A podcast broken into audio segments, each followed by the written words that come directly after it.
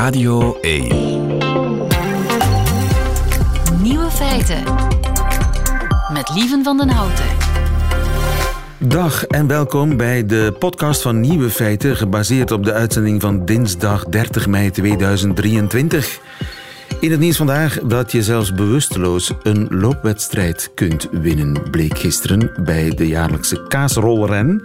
Een traditie in Gloucester, Engeland, waarbij deelnemers achter een bol kaas aanlopen, de lokale dubbele Gloucester, die van een heuvel wordt gerold. En wie als eerste onderaan de heuvel eindigt, die wint de kaas.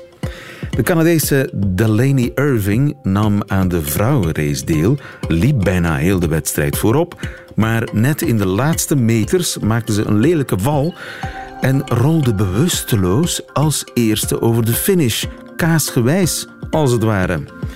Intussen is ze weer wakker en kijkt ze tevreden op de wedstrijd terug, die ze zich helaas maar half herinnert. De andere nieuwe feiten vandaag. In Nederland heeft een illustrator in één klap zijn studieschuld betaald met een ludieke actie. Bijna 50.000 euro. Yuri Kortens gaat op zoek naar ringslangen in Vlaanderen. Rien Emery checkt of, of Socrates, moet je zeggen, niet Socrates, Socrates, echt wel lelijke dingen over de jeugd van tegenwoordig heeft gezegd. En er zijn haaien die hun adem kunnen inhouden. Nico Dijkshoorn hoort u in zijn middagjournaal. Veel plezier.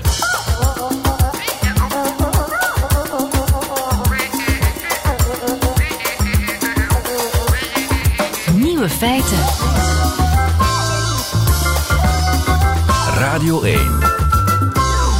Mart Veldhuis, illustrator in Nederland, heeft in één klap zijn studieschuld van bijna 50.000 euro terugverdiend. Goedemiddag, Mart. Goedemiddag. Je bent net afgestudeerd als illustrator. Je werkt voor uh, Trouw onder andere, de, de krant in Klopt. Nederland. En hoeveel heeft het jou gekost om vijf jaar te studeren? Uh, dat is 2000 euro per jaar. Uh, nou ja, plus die uh, schuld met het, met het leven en het onderhouden van ja, je tijdens studeren. Dus ja, kom pak een beetje 50, 55.000 zoiets. 55.000 euro? Ja, om, ja om, om, om echt alleen de collegegeld is 8000 euro. Ja. Dat is echt wat je moet betalen om te studeren. Maar het leefgeld en alles eromheen, ja, dat heb je natuurlijk ook nodig. Ja, en de overheid kwam daar niet in tussen. Je had geen enkele beurs. Nee, het basisbeurs die is uh, afgeschaft in 2015 en daar in de plaats kwam de, het leenstelsel. Het leenstelsel. Ja, dus ja. Je, je, leent eigenlijk om te kunnen studeren. Ja, en ze zouden eigenlijk met dat geld wat ze bij de basisbeurs zouden besparen, dat zouden ze dan eigenlijk gaan investeren in het hogere onderwijs. Alleen de beloofde miljarden die zijn eigenlijk nooit, nooit erin gepompt. En ja, hadden we eigenlijk wel de lasten, maar niet de lusten. Ja, en dat systeem is inmiddels ook afgeschaft. Ja, klopt. Uh, aankomend uh, schooljaar, daar, uh, dan wordt het basisbeurs weer ge geïntroduceerd. Dus je hebt een hele generatie die, ja, die hogere schulden hebben en die, ja, wat ik al zei, echt de lasten daarvan hebben ondervonden. De pechgeneratie. Ja, de pechgeneratie. Dus, maar je bent er al vanaf, van je, vijf, wat was het, 55.000 euro studieschuld? Nee, ja, vijf, het is 46.000 euro bijna. 46.000 in okay. totaal is het geworden. En uh, ja, ja de, de, ludieke actie is gelukt. Ik ben blij dat er ook veel aandacht voor is nog steeds voor de leengeneratie. Want uh, ja, ik wil ook niet dat er in de toekomst uh, ja, nog dezelfde fout wordt gemaakt... dat er zo'n leenstelsel in wordt gevoeld. Een ludieke actie? Welke ludieke actie? Nou ja, het is natuurlijk... toen ik begon met afstuderen had ik dit idee... En of het dan uiteindelijk gaat werken, dat weet je niet. Je wil er uiteindelijk heel veel aandacht mee genereren, omdat uh, ja, je wil die pechgeneratie daar ook bij helpen. Ja, maar wat was het Alleen, idee, Mart? Ja, het idee was om een wandtapijt te maken uh, en met daarin uh, eigenlijk het verhaal vertellen over de pechgeneratie, de leengeneratie. En uiteindelijk wilde ik dat wandtapijt verkopen ter hoogte van mijn studieschuld. En is dat gelukt? De, en dat is gelukt, ja. Wauw. Gefeliciteerd, ja. Mart. Ja, ja, ja dank, je, dank jullie wel. Ja, het is ongelooflijk. Een wandtapijt. En hoe moet ik me dat voorstellen als een soort de slag bij Hastings? Uh, ja, het, het is geen, ook geïnspireerd op het uh, tapijt van Bayeux. En daar wordt eigenlijk een groot uh, ja, slagveld, een soort oorlogsslagveld, wordt daar toonbaar ja. gemaakt. nou, dit is eigenlijk ja, ons slagveld van, van, het, van de pechgeneratie. En tapijten zijn al eeuwenlang een medium om sociale en politieke verhalen te vertellen. Dus daarom past het medium goed bij, bij het onderwerp. En dus een, een, slagveld met, met, met legers en, en ja, een helden en vechten en nederlagen en kanonnen. Ja. En... Ja, eigenlijk uh, meer eigenlijk een. Uh, ja, gewoon er staan verschillende symbolieken in. Wat te maken heeft met, uh, met schuld. er staan ook symbolieken in, bijvoorbeeld met de afgelopen zeven jaar was bijvoorbeeld, waren de huren bijvoorbeeld ook heel hoog. Wat weer impact, impact hebben op het hogere schuld.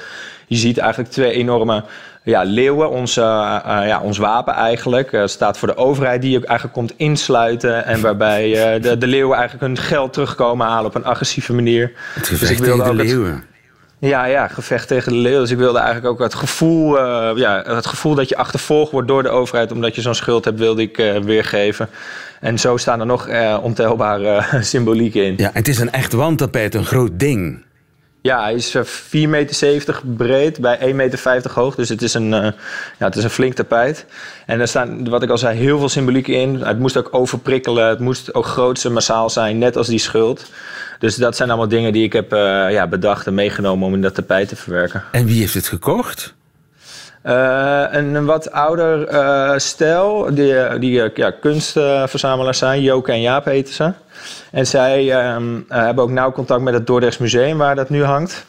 Okay. En, uh, en uh, zij hebben ook een uh, stichting, Stichting Galatea Foundation heet dat. En, die, en um, zij helpen ook kunstenaars die vluchteling zijn. Dus hun, ja, ze hebben een heel erg mo mo moreel kompas. Mooi. En zij, ja, ze wilden mij heel erg graag helpen. Ze liepen er langs en ze zeiden, we kopen het. Nederland heeft nu ook zijn tapijt van Bayeux, zeg. En ja. weet je nog wanneer je dat idee kreeg? Zo van, ik maak een wandtapijt daarover. Uh, nou, dat was eigenlijk de zomer voordat ik ging afstuderen. Um, toen, eigenlijk, toen kwam het eerste idee bij me op. Toen dacht ik van, uh, ja, dan moet ik nog een jaar studeren, nog een jaar lenen. En toen zakte de moed een beetje in mijn schoenen.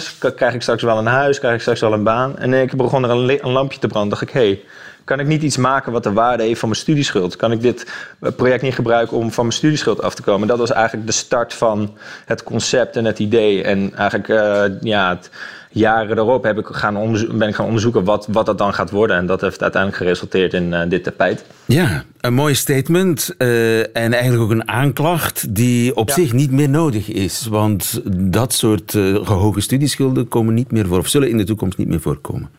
Ja, niet, niet zo hoog in ieder geval. Uh, ik ben blij dat de basisbeurs uh, terug is. Alleen uh, ja, de, de compensatie voor de leengeneratie die, ja, die is heel gering. dat is maar 20 euro per maand, zoiets dat je gestudeerd hebt. Dus dat is jammer dat dat niet op die manier gecompenseerd ja. wordt. Maar daarom lijkt het me nog goed dat het tapijt ook nog in een overheidsgebouw gaat hangen. Zodat ik beleidsmakers in de toekomst laat nadenken dat ze niet weer dezelfde fout gaan maken. Mart Veldhuis, dankjewel. Goedemiddag. Ja, dankjewel. Nieuwe feiten. Radio 1. Oei. Sorry, ik moet even uitleggen waarom ik moet lachen. Omdat Rien en Marie is erbij komen zitten en die vernielt meteen de microfoon. Alles in orde, uh, Rien en Marie? Met, uh, met mij gaat het beter dan met de microfoon. Ja, voorlopig blijft hij rechtop staan. Ja. Dag Rien en Marie. Hoi, hoi. Fijn dat je hier bent, dat komt goed uit. Want ik wou jou iets voorleggen. Met name een tweet van uh, Jeremy van Eekhout. Zal ik, zal ik jou... Je, je, je hebt een jingle nodig hè, voor de energie. Anders, anders kan ik niet in Wel, Welkom Rien en Marie.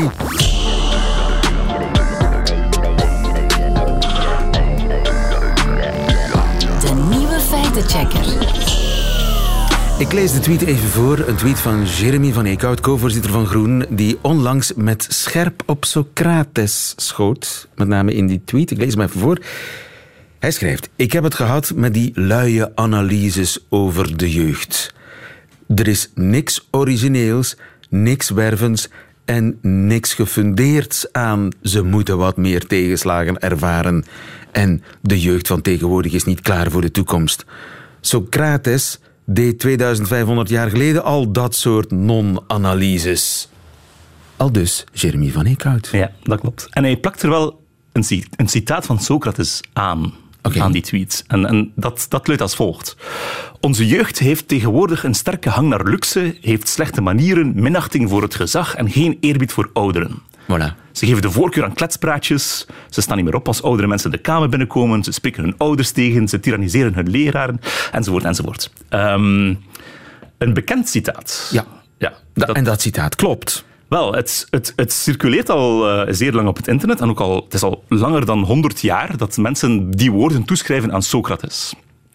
Maar uh, het is, er is toch iets anders aan de hand. Het is een, het is een grappig en verhaal met heel wat stappen. Okay, um, dus jij bent gaan uitzoeken of dat echt door Socrates... Ja. Ik zeg Socrates, maar moet, mogen we kiezen? Of is het officieel Socrates? Ik zeg altijd Socrates. Ik, we zullen, ik, ik, volg je. Socrates. We bellen een klassicus. dat, is een ander, dat is een ander onderwerp. Goed. Dus uh, jij bent dat gaan uitzoeken. Ja. Uh, het is eigenlijk al heel lang dat mensen zich afvragen van, is het wel echt van Socrates? En dat komt door, uh, in de jaren 60, 1966, was er een betoging in Amsterdam van de Provo's. De Provo-beweging, jongerenbeweging, die alles in, in twijfel trok en ook het gezag in twijfel trok. De woke van toen. ja, dat wil ik niet gezegd hebben. Maar... Er was dus een betoging van de provo's en uh, men vroeg de burgemeester van Amsterdam om een reactie daarop. En hij las dan dit citaat voor over de jeugd van tegenwoordig, heeft geen respect meer voor ouderen, et cetera. En dan haalde hij zijn triomfantelijke grijns boven om te zeggen van ah, maar dat was eigenlijk Socrates die dat gezegd had. Um, dat is heel de wereld rondgegaan dan, toen, dat verhaal. En de hoofdredacteur van Forbes magazine wou daar een editoriaal over schrijven. En hij wou ook dat citaat gebruiken. En toen had je nog factcheckers bij die magazines die op voorhand zochten of wat hun redacteurs wel schreven correct was. Um, en de factcheckers van Forbes hebben dat toen gedaan. Maar zij konden geen enkele bron vinden waarin dat echt een citaat van Socrates was. En toen uh, bleef het toch rondgaan, jarenlang. En er is wel een uh, oplossing uit de bus gekomen in het internettijdperk, met name van een bepaalde website die heet Quote Investigator. Dat is een, een fantastische schatkamer voor uh, factcheckers. Uh, een man uh, uit Tennessee, denk ik, die die site heeft opgestart en die van allerlei citaten probeert te achterhalen van zijn ze wel werkelijk van de persoon aan wie ze worden toegeschreven. En in dit geval, het citaat bestaat, maar is niet van Socrates. Het is van een iets minder klinkende naam, um, John Kenneth Freeman. Um, en, en, geen 2500 jaar uh, geleden. Ook niet. Waarom? Die Freeman is een, was een, een, student aan Cambridge, begin 20e eeuw. En die schreef een scriptie over het onderwijs in het klassieke Griekenland. En daar heeft hij op een pagina een aantal uh, parafrases gedaan en een samenvatting gemaakt van de houding ten opzichte van de jeugd in het begin, het einde, sorry, het einde van de vijfde eeuw voor Christus. De tijd van Socrates. Dus hij parafraseerde wat toen gangbaar was, ja. maar niet noodzakelijk uh, parafraseerde hij Socrates. Inderdaad. Om te beginnen omdat we eigenlijk niet weten wat Socrates ooit gezegd heeft. Want hij heeft geen enkel geschrift nagelaten. Alles wat we weten over Socrates komt uit de geschriften van Plato, Xenofoon, andere leerlingen of de comedies van Aristophanes in die tijd. Dus Socrates zelf heeft nooit echt een... We weten echt niet 100% wat hij dacht, want okay. zijn leerlingen spreken hem soms spreken ze elkaar tegen over, over zijn standpunten. Juist, maar die, die namen die je net genoemd hebt, Plato en zo, ook die hebben nooit een gelijkaardig citaat aan Socrates toegeschreven. Nee, nee, nee, helemaal niet. Dus, dus alleen was... die student ja. in, de 20, in het begin van de 20e eeuw ja. en dan die burgemeester van Amsterdam in 1966. Die... Tussendoor waren er nog stappen. Ah, er, was, okay. er was een onderwijzer die ooit uh, een speech wou geven voor een uh, vereniging van onderwijzers in 1911 in New York. En die haalde ook uh, die scriptie aan van die student. En wie was dat? Ook een student? Of een, nee, dat was een onderwijzer. Een onderwijzer. Die, voorzitter van de onderwijzersvakbond in, in New York in 1911. gaf een speech op een, op een jaarlijks gala en hij citeerde die houding ten opzichte van de jongeren in het begin. Dus van dat is de oerfout eigenlijk. Dat is de oerfout en dan is het beland in een tijdschrift en uiteindelijk is het toegewezen aan Socrates. En zo gaat dat heel vaak. Met um, citaten die echt bestaan, maar van een niet bekend genoeg naam zijn en waar dan een bekende naam opgeplakt wordt.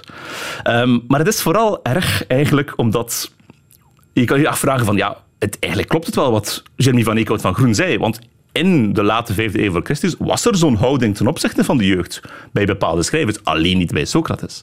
Dus het feit van men kankert al heel lang op, op de jeugd van tegenwoordig, al 2500 jaar, klopt, dat klopt. Um, maar niet Socrates. Het was, maar het was niet Socrates, oké. Okay. Um, maar het, het erge is daarvan, vind ik, en ik ben ook toevallig historicus, Zo'n citaten die worden toegeschreven aan historische figuren, we gaan ons daardoor die historische figuren verkeerd herinneren. En, en bij Socrates is het extra erg, omdat, omdat hij natuurlijk uh, ter dood veroordeeld is. Hij heeft moeten de gifbeker leeg drinken.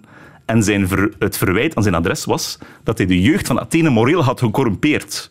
Dus hij is eigenlijk ter dood veroordeeld omdat hij zogezegd zou de jeugd ja, in het verderf gestort hebben. En dan zou er zogezegd een citaat zijn waarin hij klaagt over diezelfde jeugd. Over de verdorven is. eh, jeugd. Dus het is, die arme Socrates heeft dat niet verdiend. Eh, dus foei aan eh Jeremy van Eekhout van Groen. Eh, eerherstel voor Socrates. Dankjewel, Rien en Marie.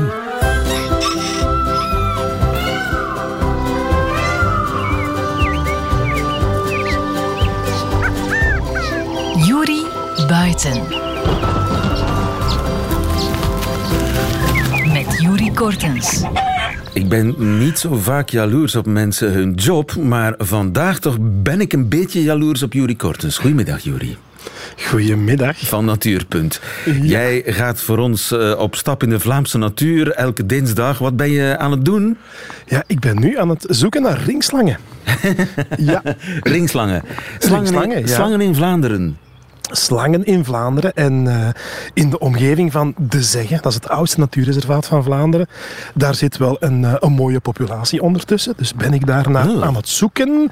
En ja, dat zijn zo leuke plekjes. Ik heb hier met heel veel structuur en we hebben hier ook een paar broeihopen aangelegd. Wacht eens even. Even terugspoelen. De Zegge. Ja. Dat, is, dat is dus een Ja. natuur. Waar, waar ligt dat? Eh, dat ligt in Geel, is het oudste natuurreservaat. Sinds 1952 is dat opgericht. En daar is zowat het Vlaamse natuurbehoud begonnen, moet het maar zeggen. Dus eh, 1952 daar, een, een jaartje later de Snepkesvijver in Lichtaard. Amper een bo- boogscheut vandaar. En sinds ja, eind jaren 60, begin jaren 70 zit hier een populatie met ringslangen. Ah ja. Oké. En zijn dat er veel? Goh, dat zijn er ondertussen wel een paar honderd. Hè. Dus die schattingen, dat is vaak moeilijk om te maken, want die verbreiden ook. Die gaan ook naar andere locaties. Eh, die zijn al waargenomen tot, tot in Lommel bijna. Dat is 30 kilometer verder. Eh, via het Kempiskanaal. Ook in de andere richting zijn ze al wat uitgebreid. En zijn die Eh, en- niet giftig, die ringslangen?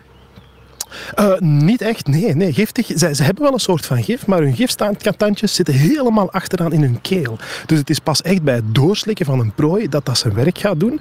En dat is een soort van voorvertering eh, van de prooi vooraleer ze naar de maag eh, verder gaat. Maar Ja. die kunnen ons daar niet mee bijten. Ah ja, er zijn geen gevallen bekend van ringslangen die mensen hebben gebeten. Nee, nee die kunnen niet bijten. Ah, ze kunnen het fysiek gewoon niet. En hun mond gaat ook niet, niet- Die gaat wel ver open, maar die tandjes zitten zo ver van achter in de keel dat ze ons niet kunnen bijten. Maar ze hebben wel een ander trucje om, eh, ja, om ervoor te zorgen dat we hen niet storen.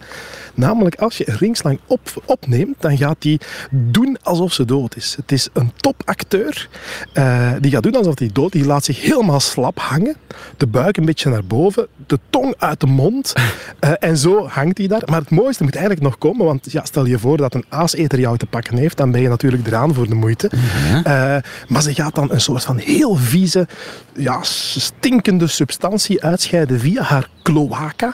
En eh, ja, dan mag je twee weken niet meer binnen als je dat over je gekregen hebt. Zo Dus, erg. eh, ja, ja, ja, dat is een heel erg vieze lucht, waardoor dat ze anderen ja, op, een, op andere ideeën brengen. Dus als, je, als ze niet worden opgegeten, dan denkt die, die rover waarschijnlijk van oei, hier is het beste al wel een beetje af.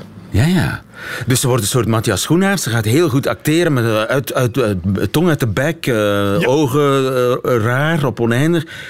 Maar als, Ja, ja, als je ze vastpakt, maar, maar ze gaat dan toch kakken. Ja, ja, ja, ja dat, is, dat is nog net dat, dat extraatje dat eraan moet. Ja, dat is echt, eh, ja, je moet je helemaal inleven natuurlijk. Hè, Dus als, eh, eh, raak ze niet aan.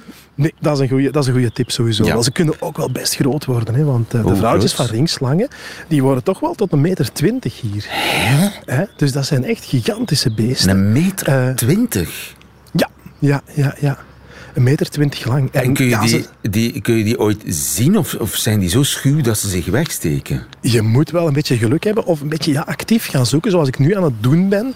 Eh, zonnige plekjes, maar het is al wat laat op de dag. Dus als het wat vroeger is, dan, eh, dan is het nog wat koeler. En dan, dan zijn ze nog wat rustig, want het zijn koudbloedige dieren. Dus die gaan dan een zonnig plekje opzoeken. En, en dit is echt wel het moment. Hè. En zo broeihopen, waar dat de eieren gelegd worden, dat zijn de ideale plekken om, eh, om vrouwtjes Ja, te gaan zoeken. broeihopen, nog zo'n woord. Wat is een, wat is een broeihoop?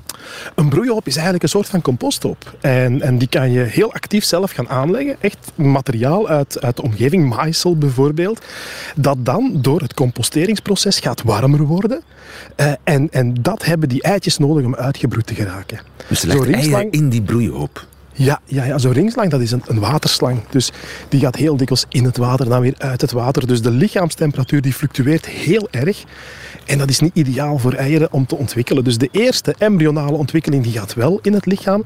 Maar dan legt ze een soort van ja, perkamentachtige eitjes in zo'n broeihoop. En besteedt ze dus het broeden uit aan externe warmte. Want zo'n compostwarmte, dat is eigenlijk zo'n plekje waar het ja, constant tussen de 25 en 30 graden is. Dat is wat ze nodig heeft om die eitjes uit te broeden. En die, die broeihopen die worden door de mens aangelegd? Of die, door de natuur zelf ook? Ja, die worden hier ook door de mens aangelegd, maar ook door de natuur. Er zijn dus van die plekjes waar bijvoorbeeld, ik zeg maar, een, een vermolmde boomstam, dat kan eigenlijk ook al dienst doen. Of je hebt zo van die grote uh, graspollen of uh, schijngraspollen, die, uh, die heel, ja, heel dicht op elkaar staan in een, in een grote knoest als het ware. En dat doodmateriaal dat is eigenlijk ook lekker warm. Dus er zijn ook van die natuurlijke plekjes. En vroeger toen er nog meer overstromingen waren op de plekken waar, waar een rivier overstroomde, daar laat hij wat, uh, ja, wat materiaal achter. En dat zijn dan dode bladeren en takken en, en grassen en weet ik wat nog allemaal.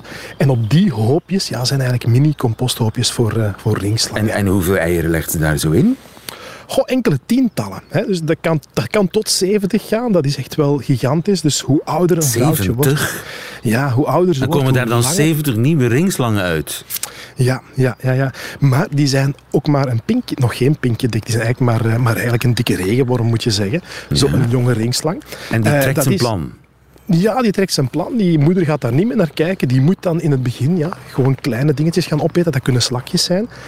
Maar dan, als die groter worden, dan gaan ze zich specialiseren op ja, vooral kikkers en pannen. Dat eten ze? Dus, ja, dat eten ze heel graag. Uh, het, is, het is een, water, een waterslang. Ze komt heel vaak uh, kikkers en padden tegen.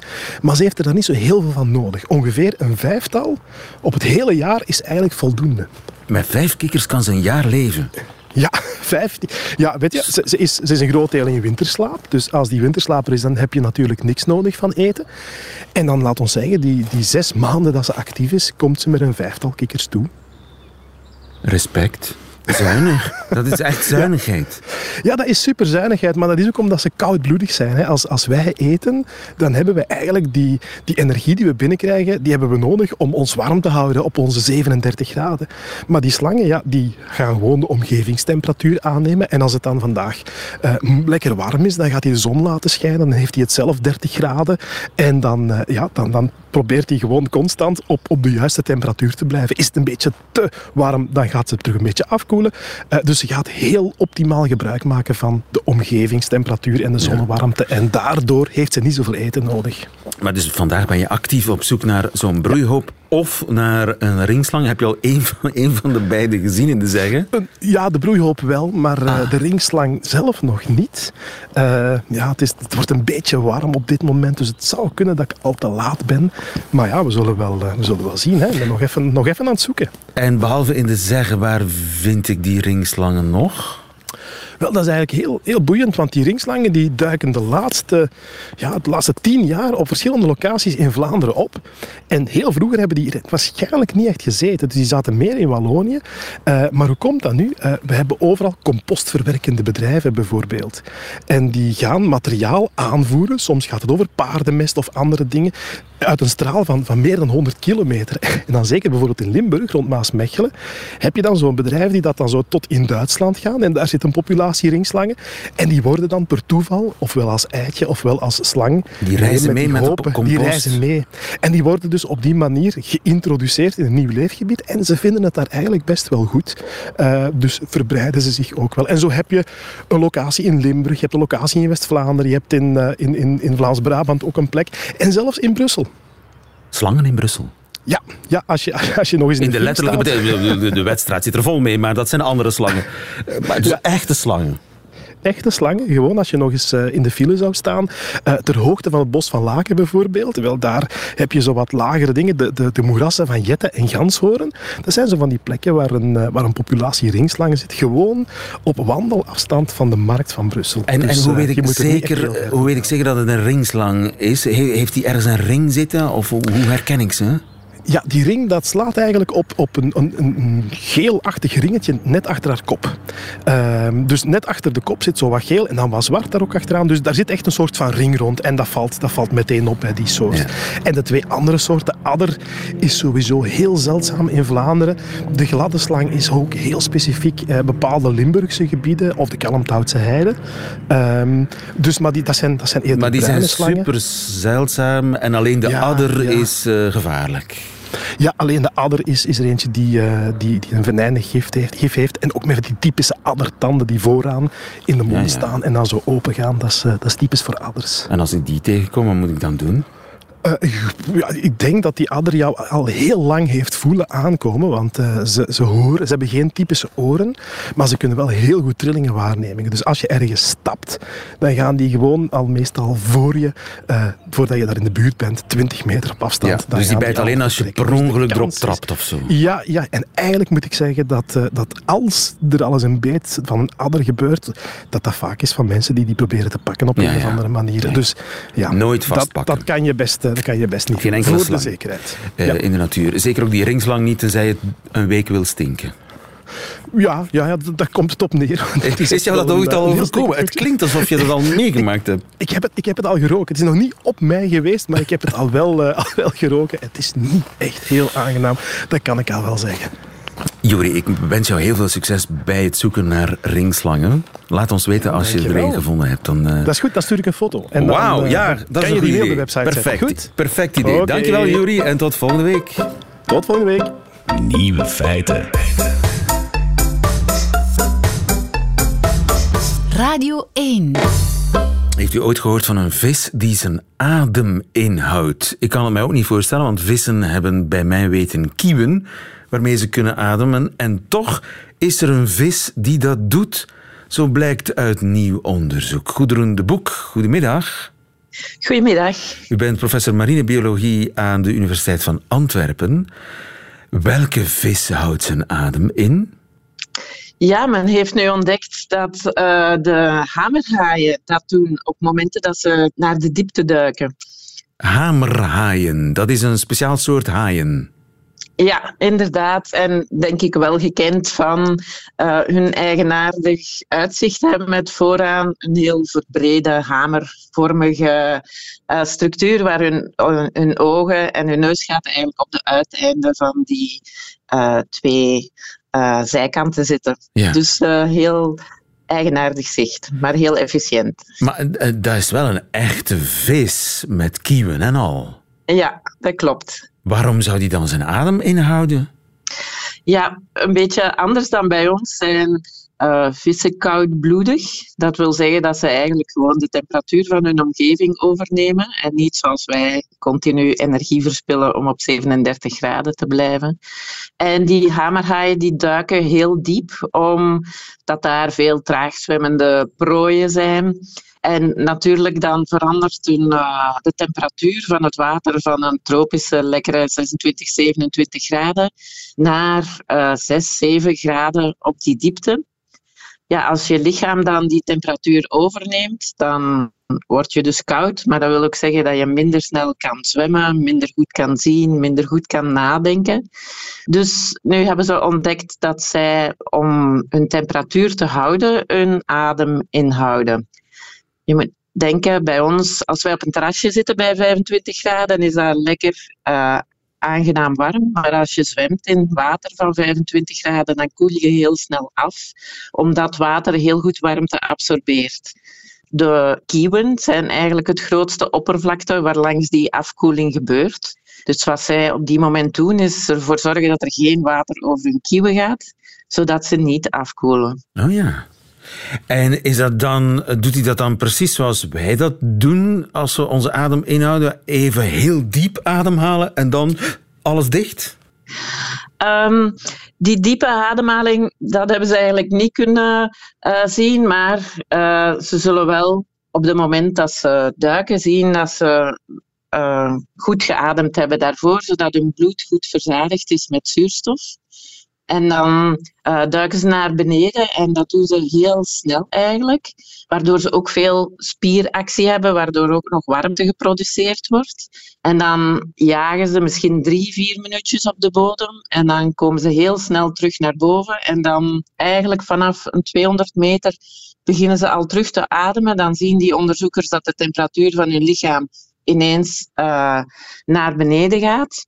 En dan gaan ze eigenlijk nog iets hoger nog zwemmen als normaal, zodat ze lekker terug kunnen opwarmen in die bovenste laag. En dan gaan de kieven weer open en dan kan de, de normale ademhaling uh, weer doorgaan. Is dit nu een belangrijke ontdekking? Is dit een primeur dat vissen soms hun adem inhouden?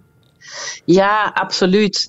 Wat we al wel wisten, dat, uh, is dat sommige uh, soorten die heel snel kunnen zwemmen, zoals uh, makohaaien, maar ook tonijn bijvoorbeeld, dat die een systeem hebben waarmee dat ze hun spieren warm kunnen houden. Maar daarvoor heb je aangepaste bloedvaten en zo nodig, zodat je eigenlijk warmtewisselaars hebt die verhinderen dat de warmte naar de kievel gaat. Maar deze hamerhaaien hebben dat niet. En toch hebben ze een manier gevonden om hun warmte te behouden als ze naar koud water gaan. Dus uh, dat is echt een primeur. En men is nu natuurlijk ook van plan om te kijken van, ah, zien we dat dan ook nog bij andere soorten die diep duiken? En misschien niet alleen bij haaien, maar misschien ook bij uh, beenvissen.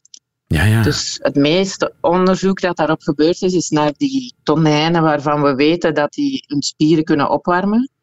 Maar dit is dan ja, een soort waarbij men dat helemaal niet verwacht had dat die zo'n strategie hadden. Ja, het zijn zeer ingenieuze beesten, hè, haaien? Ja, absoluut. En uh, zeer gracieus en ja, echt een van mijn favoriete soorten van vissen. Goed, de Boek, dankjewel. Nog een fijne dag. Oké, okay, graag gedaan. Dag. Radio 1. Nieuwe feiten. En dat waren ze allemaal, de nieuwe feiten van 30 mei 2023. Alleen ook die van Nico Dijkshoorn, die krijgt u nu in zijn middagjournaal. Nieuwe feiten. Middagjournaal.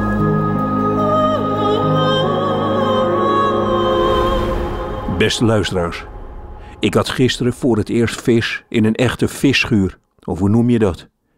Een vishok. Een viskeet. Ik was met mijn zoon in IJmuiden en zo zat dat in zijn hoofd. Wanneer je de zee kan horen, dan moet je vis vreten.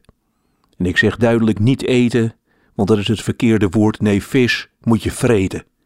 Met je klauwen om de vis heen en dan met andere mannen grommend lekker je vis eten aan een houten tafel. Ik heb het nu met mijn eigen ogen gezien. Als mannen samen in één ruimte vis eten, dan gebeurt er iets wat verdacht veel lijkt op de oerknal. Alle goede gewoontes verlaten het lichaam wanneer er opeens een gebakken vis voor hun neus staat. Ik houd niet van vis, omdat ik te makkelijk het levende dier herken. Ik ben de lafste vlees- en viseter op aarde. Als een dier twaalf uur lang is gestoofd en daarna met een vork uit elkaar is getrokken, dan gaat het wel. Eetbaar dier tussen twee boterhammen eet ik nog steeds met mijn ogen dicht. En bij vis ligt dat anders. Vis wordt bij voorkeur op je bord gelegd, alsof het levend in de boter is gesmeten. Ik ken eigenlijk geen ander dier dat treuriger op je bord ligt. Je ziet de kieuwen, je ziet het staartje, nou ja, alle attributen waarmee een vis lekker vrolijk aan het zwemmen is, alleen nu gebakken of gefrituurd. De man om ons heen in de viskeet, die een naam had die ik ben vergeten, maar het was zoiets als Dikke Hermans Vispaleis, die hadden veel minder gewetensnood. Het leek alsof mijn zoon en ik midden in een geheim genootschap terecht waren gekomen. Ongeveer als in de film The Fight Club. Alleen nu waren het ruige wilde mannen die grommend en blazend vis zaten te vreten. Mijn zoon kreeg een vis voor zijn neus waar je je hele gezicht in kon duwen. Maar ik had duidelijk het verkeerde visje besteld. Midden in dat orgastische gesnuif en gegrom van mannen die de vis uit hun baard wreven, keek ik naar mijn visje een sliptong. Er lag een speciaal sliptongmesje naast, waarmee ik met chirurgische precisie het visvlees van de graatjes kon pulken. Luisteraars, de mannen stopten met eten en ze keken naar mij, naar een indringer, een zonderling, naar een man die zijn vis niet met zijn vuisten in zijn bek propte. Op de terugweg naar huis sprak mijn zoon geen woord met mij. Ik voelde het aan alles. Die jongen was niet trots op zijn vader.